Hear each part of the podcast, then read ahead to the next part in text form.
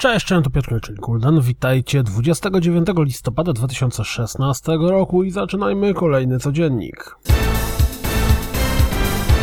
Zwiastunem zapowiedziano Way of the Passive Fist, pixelartową chodzoną bijatykę. Jak dla mnie wygląda nawet interesująco, a dla was? Shopkeep w maju tego roku pojawił się na Steamie i został dość ciepło przyjęty, a teraz zmierza na PlayStation 4.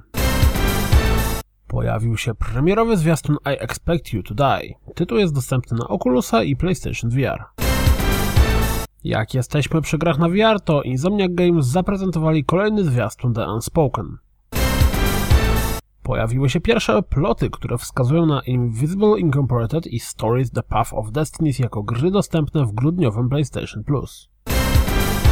Picross 3D Round 2 pojawi się na Nintendo 3DS 3 grudnia. Oficjalnie zapowiedziano zimową kampanię do Forza Horizon 3. To i następne DLC będzie dostępne w ramach Forza Horizon 3 Expansion Pass kosztującego 35 dolców, 25 dolców dla posiadaczy wersji Ultimate. Szczegóły dotyczące Blizzard Mountain, bo tak to się nazywa, znajdziecie na stronie. Yoshinori Ono zapowiedział wsparcie nową zawartością do Street Fightera 5 aż do 2020 roku.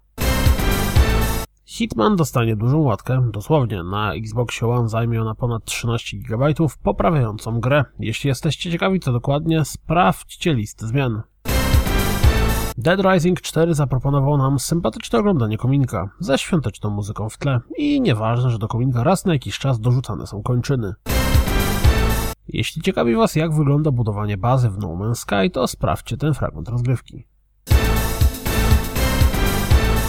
To wszystko na dziś, jak zawsze. Dziękuję za słuchanie, jak zawsze zapraszam na www.rozgrywkapodcast.pl Jeśli doceniacie moją pracę, wesprzyjcie mnie na Patronite i mam nadzieję słyszymy się jutro. Trzymajcie się, cześć!